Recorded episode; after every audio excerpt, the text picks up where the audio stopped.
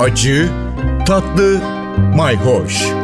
Yemek kültürü yazarı Aydın Öneytan'la bir tutam tarif, biraz da tarih.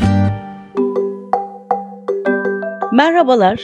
Yeni yıla şöyle enerjik C vitaminli bir giriş yapalım. O zaman konumuz mandalina. Evet, mandalina narenciye çeşitleri arasında en sevilenlerden biri. Bir kere şöyle bir özelliği var. Aslında tezgaha ilk düşen narenciyelerin başında mandalina geliyor. Mandalina daha yeşilken şöyle Ekim ayı falan gibi tezgahlarda yerini bulur yazın sonunun geldiğini haber veren son incirlerin yanı sıra mandalinayı da görünce biraz hüzne kapılırız. Eyvah kış geldi diye. Diğer narenciye türleri portakal ve greyfurt mesela mevsimi daha uzun sürer, daha dayanıklıdır.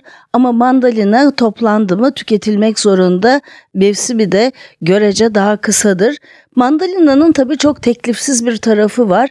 Portakal gibi bıçakla soyulmadan hemen parmakla soyulabiliyor ve işte o zaman da o kabuğunun müthiş aromasını veriyor. Yemesi de çok keyifli oluyor. Hele bir de zarı ince ise o tatlılık ekşilik dengesiyle bol sulu yapısı son derece lezzetli oluyor. Peki hangi mandalina? Önce bir İzmir'e doğru gidelim. Hem Gümüldür hem Seferihisar'ın tescilli mandalinası var. Aslında bölgede her ikisinin de tarımı neredeyse 70-75 yıl önce başlamış. Seferihisar'da ilk kez 1953 yılında tam 600 adet Satsuma cinsi mandalina fidesi dikilmiş. Gümüldür'de de mandalinacılık 1960'larda başlamış. Gümüldür önce davranmış 2015 yılında coğrafi işaret tescili almış. Seferihisar mandalinası ise 2019 yılında tescillenmiş.